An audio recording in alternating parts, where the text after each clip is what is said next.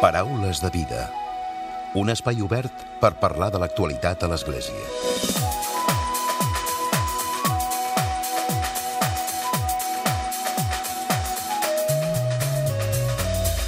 Què tal? Salutacions i molt bon dia, molt bon diumenge. La propera setmana, concretament el proper diumenge, el 18 de març, se celebra el Dia del Seminari.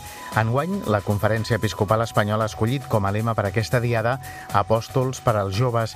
Com és habitual, s'ha preparat material per viure el Dia del Seminari a les parròquies i a les comunitats eclesials. A Barcelona es farà una vella el proper dissabte al Seminari Conciliar. També s'ha editat un vídeo promocional amb el títol Un cor incansable. En tot cas, és una diada per donar valor a tots aquells joves seminaristes que són el futur de l'Església, els portadors de l'Evangeli. Ells es preparen de manera discreta al seminari amb esforç, però també amb il·lusió després d'un procés de discerniment. Avui en parlarem, ho farem amb el rector del Seminari Conciliar de Barcelona, amb mossèn Josep Maria Turull.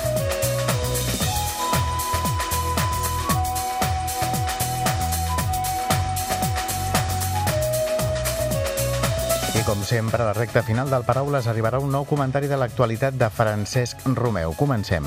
Paraules de vida. El cor és l'òrgan principal del nostre cos. És un múscul que batega sense descans les 24 hores del dia. Josep Maria Turull, molt bon dia i benvingut al Paraules de Vida. Molt bon. Apòstols per als joves. Aquest és el títol, l'eslògan del dia del seminari d'aquest any. Efectivament.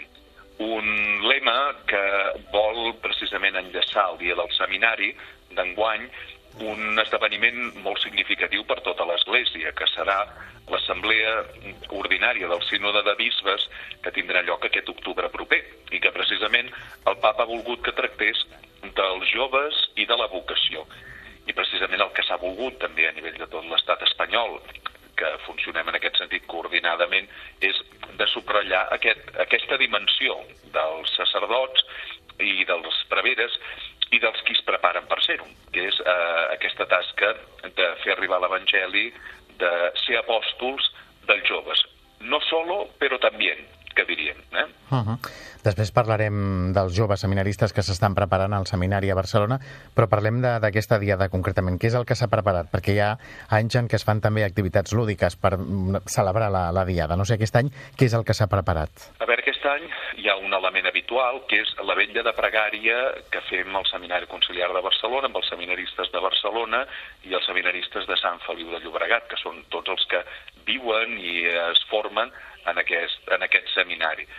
Serà aquest dissabte que ve, dia 17 de març, a dos quarts de vuit del vespre, on doncs, hi podrà haver, eh, en, en aquest ambient de pregària, amb l'exposició del Santíssim, diferents testimonis de seminaristes en diferents etapes del seminari, de cara doncs, això, a, a veure-ho, a viure-ho més conscientment, a conèixer-ho més directament i, per tant, doncs, també eh, a poder-hi pregar més intensament i a poder-hi col·laborar també eh, amb més intensitat. El que hem fet de nou aquest any, a iniciativa d'alguns seminaristes, precisament ha estat un vídeo promocional curtet d'aquests que eh, corren per les xarxes, també perquè mm, no sempre corre massa aquesta tasca que, com deies tu molt bé a la presentació, no? és una tasca discreta de formació, però important. I llavors, doncs, eh, amb aquest format ràpid, àgil, doncs, que a través de WhatsApp, Facebook, Twitter, Instagram pot córrer, doncs hem volgut fer per fer unes pinzellades no? de, del que conforma la, la vida del seminari. De fet, ho hem sentit a l'inici d'aquesta conversa. El títol d'aquest vídeo promocional és Un cor incansable, no? I, i sobretot està centrat en la figura del cor, no? que no para de bategar mai. Efectivament. Ha volgut agafar aquesta imatge que més d'un papa ha, ha fet servir, i més d'un bisbe també, no? parlant del seminari com el cor de la diòcesi. Eh, bàsicament, doncs, això, perquè en aquí hi batega doncs, aquest eh, futur de l'Església en el camp ministerial, no? que alhora doncs, eh, ajuda molt al futur de l'Església en tots els àmbits, també en, els de jo, en, en el dels joves, que tots ells són futur per a l'Església.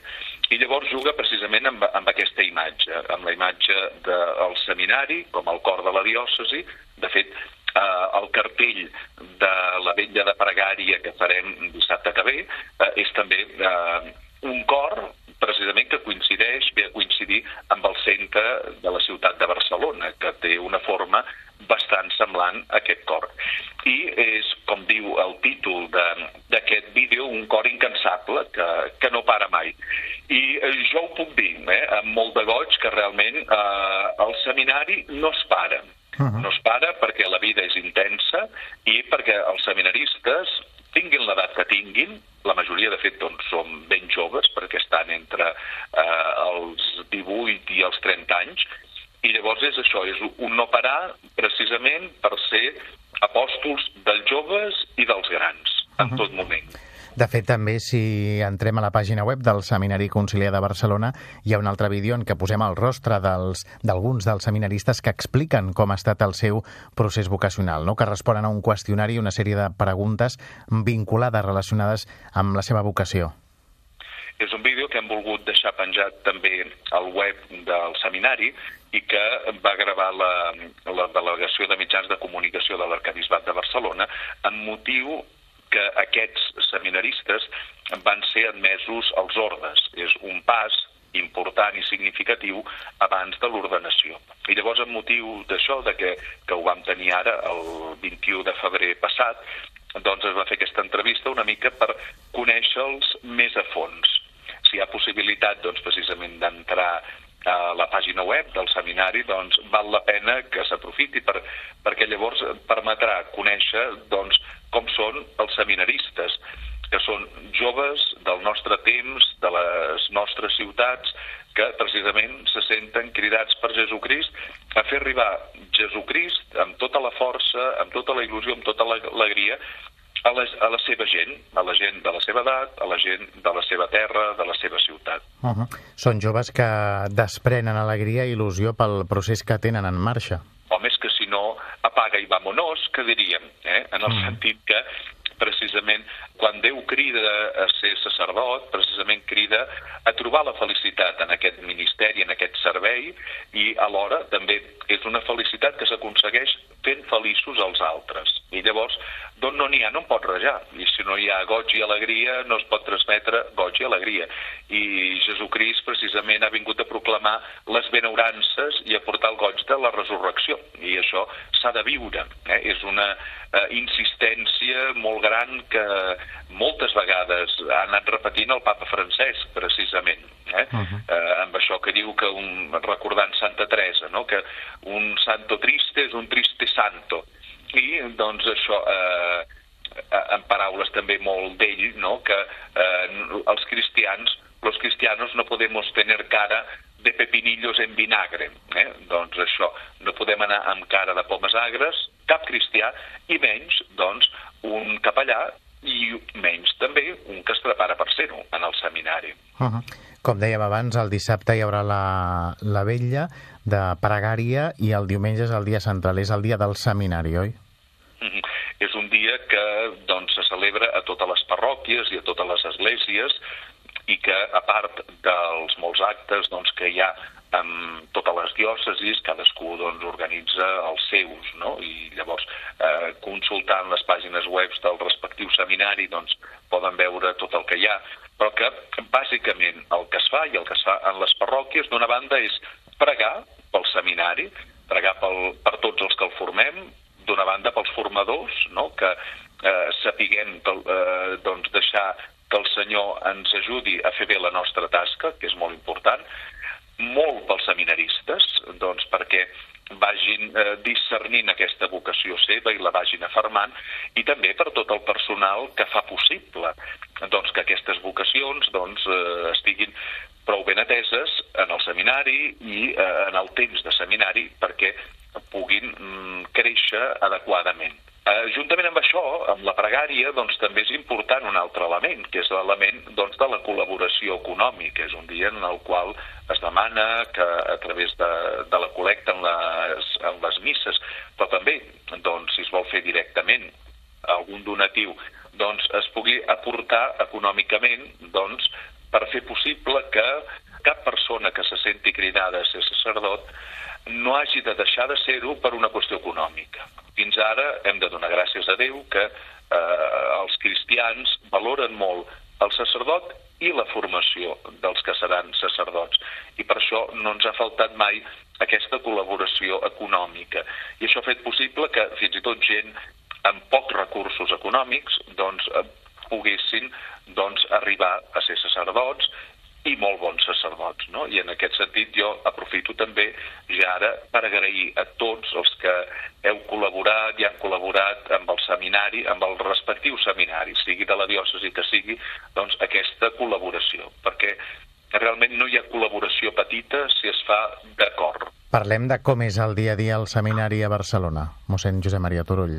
A veure, eh, el dia a dia al seminari de Barcelona està marcat doncs, pel fet que aquest any els seminaristes de Barcelona són 31 i juntament amb ells hi ha també els nous seminaristes de Sant Feliu.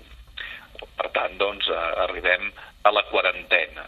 Eh? Crec que és un nombre que ens permet eh, doncs avançar esperançats i en, animats doncs, precisament per eh, convidar a més gent a que respongui afirmativament a la crida de Jesucrist.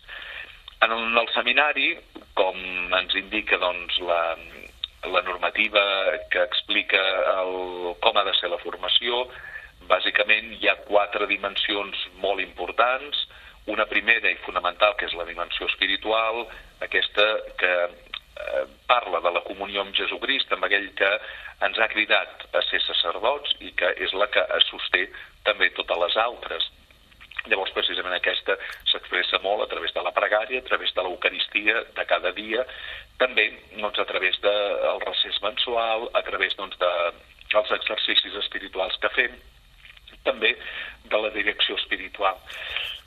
Una altra dimensió que ocupa moltes hores és la dimensió acadèmica.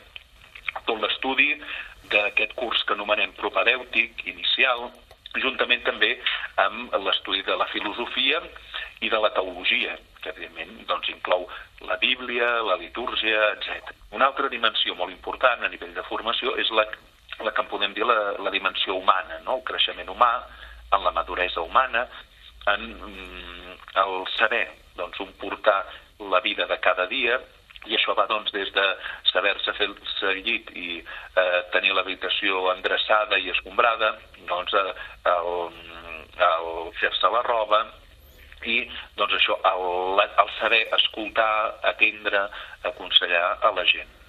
I una quarta dimensió, que és la pastoral, eh, es du a terme sobretot amb les pràctiques pastorals que fan, sobretot al cap de setmana que doncs, eh, no viuen al seminari, sinó que van a les parròquies o a les respectives famílies els primers anys per anar col·laborant amb les parròquies i llavors doncs, així van aprenent com és la vida del, del capellà des de dins. No? I tot això, diguem, aquestes quatre potes, doncs, com totes les taules, tenen un taulell a sobre, que en aquest cas és tota la dimensió comunitària que l'Església ha volgut pels seminaristes, que, doncs, això que puguin compartir aquesta dimensió espiritual, aquesta dimensió humana, aquesta dimensió acadèmica, aquesta dimensió pastoral que ho puguin compartir i això realment és una font d'enriquiment molt gran. Quan parlem de, del dia del seminari, quan parlem de les vocacions, mossèn Turull, sempre també parlem de, ara ho deia, hi ha 31 seminaristes, més també els de Sant Feliu, que arriben a una quarantena. Aquesta és la xifra òptima, perquè a vegades sempre diem, o sempre es parla i es fa la reflexió de si hi ha crisi de vocacions. Quina, quina és, quin és l'estat actual? A veure, nombre, aquests 40 són Barcelona, que hem dit 31, Sant Feliu, que n'hi ha 9, eh, i hem d'afegir també per fer tot el, tot el panorama, per veure tota la realitat a nivell de Catalunya, uh -huh. eh, hem de eh, tenir-hi present els 25 seminaristes que eh, s'estan formant al Seminari Major Interdiocesà de Catalunya, que són de les set diòcesis que depenen de Tarragona. Tortosa, Tarragona mateix, Lleida, Urgell, Solsona, Vic i Girona. I també hi hem d'afegir la vintena que s'estan preparant a Terrassa. Vull dir que, per tant, doncs, parlem això d'aquests 40, més 20, 60, més 20, 85, doncs, que és eh, eh, el nombre de totes les diòcesis de Catalunya. A la història de l'Església mai no n'hi ha hagut prou de capellans, eh? perquè mm, hi ha hagut sempre tanta feina que com més n'hi hagi, millor i fins i tot en les èpoques doncs, que eh, la gent més gran poden recordar, quan als anys 40, 50 i primeria dels 60 hi havia un munt de capellans per tot arreu, eh, no n'hi havia cap en principi que es rasqués la panxa, sinó que tots doncs, tenien molta feina perquè doncs, això, mm, eh, de feina per fer com a prevera, mm, si un vol, no se l'acabarà mai. En aquest moment, evidentment, eh, la realitat actual a tot eh, l'Occident europeu és molt diferent de fa 50 anys. I, doncs, eh, si fa 50 anys a Barcelona doncs, hi havia 30 seminaristes per curs, ara, com hem dit, doncs això, 30 és el nombre total de tots els seminaristes. La realitat és diferent.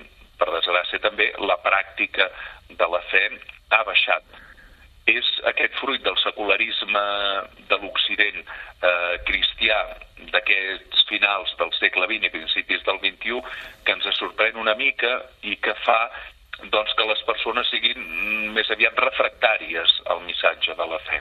Mm. Però, precisament, eh, la vida en el seminari omple d'esperança, perquè veure tots els joves que continuen responent afirmativament a la crida de Jesús a seguir-lo com a bon pastor, dius, no cal patir, Vull dir que el Senyor continua treballant, aquesta església és del Senyor, ell no l'abandona i amb els que siguem farem.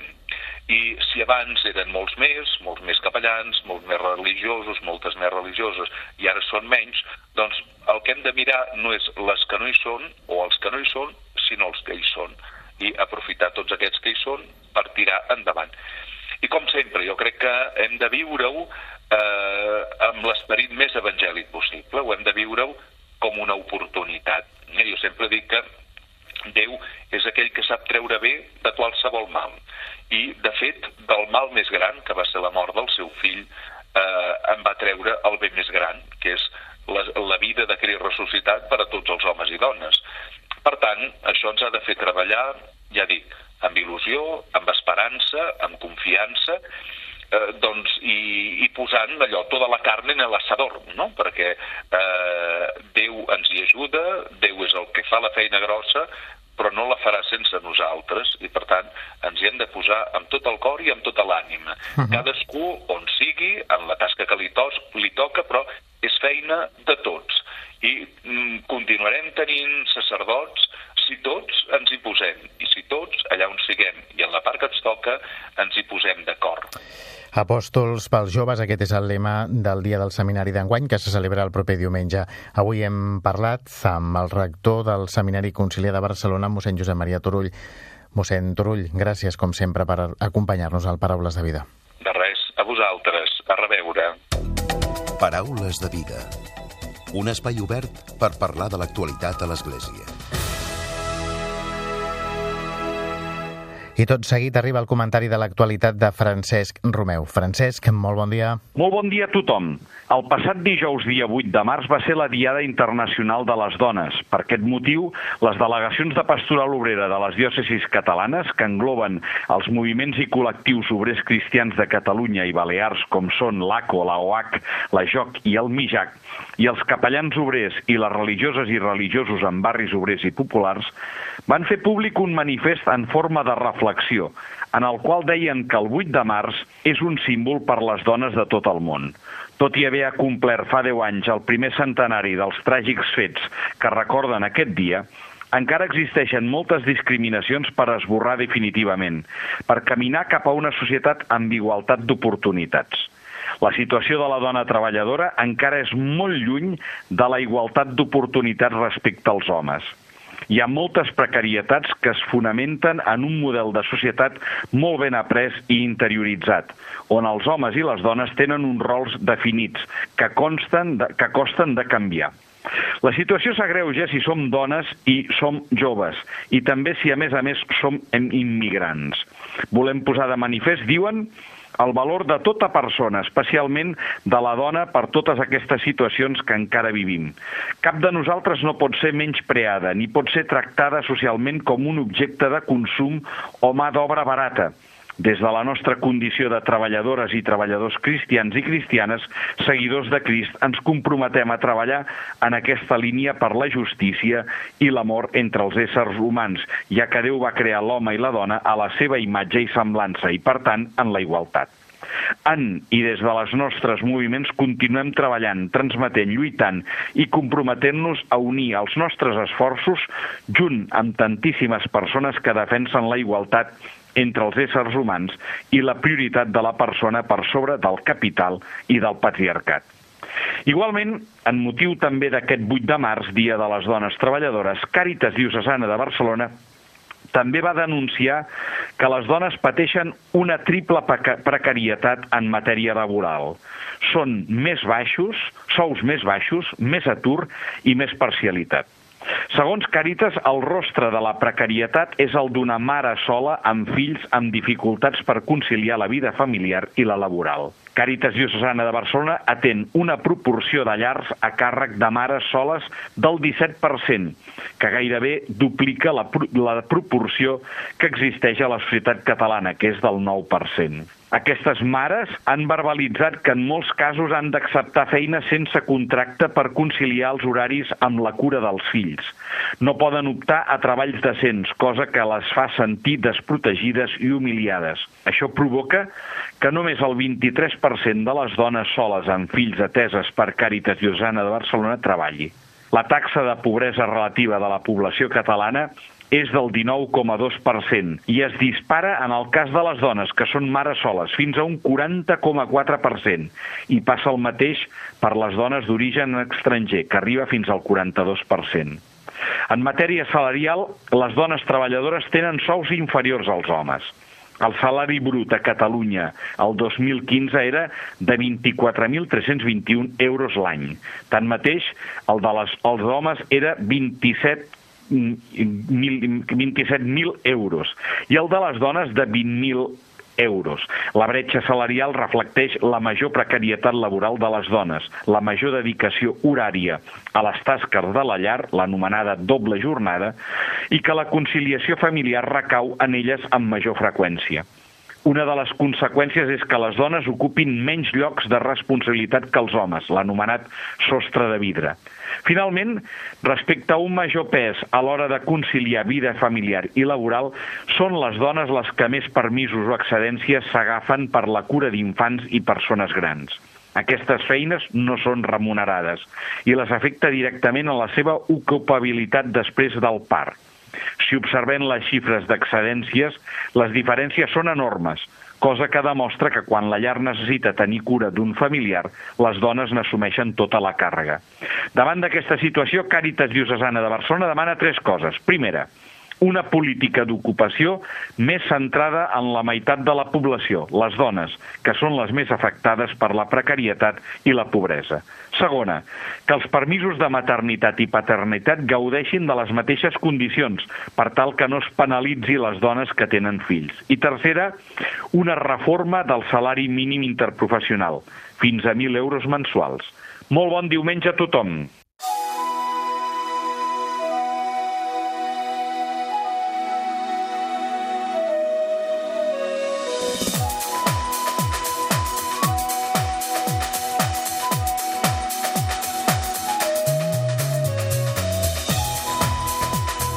Fins aquí el Paraules de Vida d'aquest diumenge, d'aquesta setmana. L'Eduard Nas ha estat el control tècnic i qui us ha parlat l'Emili Pacheco. Que passeu bon diumenge i molt bona setmana.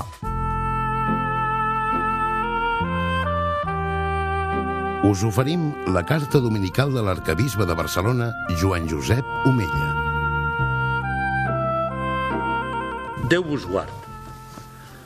Els tres camins que ens proposa l'Església durant la Quaresma per endissar-nos en el misteri pasqual són la pregària, el dejuni i l'almoina. En diumenges anteriors us he escrit sobre la pregària i el dejuni. Ara m'agradaria parlar-vos sobre l'almoina, ser un do per als altres. Almoina és caritat, i viure en la caritat és viure el manament del Senyor, que us estimeu els uns als altres tal com jo us he estimat. Avui us proposo la lectura d'un relat que vaig llegir fa un temps i que crec que ens pot ajudar a mirar la vida sota la mirada atenta i amorosa de Déu. Diu així. Una dona alemanya va al migdia a dinar a un autoservei. Agafa un plat de sopa i es dirigeix a una d'aquestes taules en què es menja a peu dret. Deixa el plat i penja la bossa sota la taula. Llavors s'adona que ha oblidat la cullera. Torna, doncs, al taulell, agafa una cullera, de passada un tovalló que també ha oblidat. Torna a la seva taula i veu amb sorpresa que un home s'està menjant la seva sopa. No és alemany, no és ros, ni té els ulls blaus, sinó morè. Pot ser italià, grec o qui sap si turc. Tot d'una es posa de manifest que l'home no parla alemany, de manera que la dona no el pot entendre. Però s'està menjant la seva sopa. En un primer moment la dona es queda bloquejada, incapaç de dir res. Això és intolerable. La dona s'enfada, però al cap de 10 segons ja recupera la calma i pensa aquest home és realment un desvergonyit, però jo també. Amb la cullera a la mà, la dona es posa a l'altre costat de la taula i comença a menjar del mateix plat. Algú deu pensar que en aquest moment el desconegut es disculparà. De cap manera. Continua menjant tranquil·lament i somriu. Aquesta és la seva arma. Somriu i es mostra amable, però no afectat. I ara ve el més gran. Li dona a ella la meitat de la seva salxitxa. Així acaba el dinar en comú. Al final, ell li dona la mà i ella, que mentrestant s'ha calmat, la hi estreny. L'home se'n va i ella recull la seva bossa, però ha desaparegut. Des del primer moment s'ho havia imaginat. Aquest individu és un malfactor, un barrut i un lladre, i a sobre li ha robat la bossa. La dona corre cap a la porta, però ella ha desaparegut. La situació sembla realment greu, ja que dins la bossa té el carnet de conduir, diners, la targeta de crèdit, etc. Tot ha desaparegut. A continuació, la dona repassa l'escena. A la taula del costat hi ha un plat de sopa. Ara està freda. A sota hi penja la seva bossa. No se li havia passat en cap moment pel cap que era ella i no pas ell qui s'havia equivocat. Senzillament no li havia passat pel cap. No ens ha passat mai alguna situació similar a l'escena descrita? Val la pena riure una estona de nosaltres mateixos. Val la pena reconèixer que som limitats. L'almoina ve del fet de reconèixer fràgil i limitat. I és aquest reconeixement de la nostra misèria el que ens apropa a la necessitat de l'altre i fa possible una almoina autèntica. Us convido a regalar una mirada lliure de prejudicis a qui s'acosta a nosaltres, a percebre el proisme no com una amenaça i un rival, sinó com una oportunitat de trobada. L'almoina, feta amb amor, humanitza qui la dona i qui la rep. I no oblidem que el més gran que podem donar som nosaltres mateixos i el nostre temps. En Jesús trobem un exemple perfecte de com viure l'amor, la caritat. En ell tot és do. Ha fet l'almoina de si mateix, lliurement generós. Ens ha lliurat l'amor del Pare. Ens ha fet fill en ell. Tot el qui li ha revelat al Pare ens ho ha donat a conèixer. Ens ha donat el seu propi Pare i la seva pròpia Mare, la Mare de Déu. En ell ha lliurat sense mesura el seu Esperit Sant. No exclou ningú de la seva amistat. Vosaltres, diu, sou els meus amics ja no us dic servents. I ens lliura sempre el perdó sense humillar-nos. Tot ho excusa. Pare, perdona'ls perquè no saben el que fan. I finalment ha donat la vida per nosaltres. Benvolguts germans, tant de bo aquesta quaresma sigui una oportunitat per avançar en el camí d'imitació de Crist. Benvolguts germans, que Déu us beneixi a tots. Us hem ofert la carta dominical de l'arcabisbe de Barcelona, Joan Josep Omella.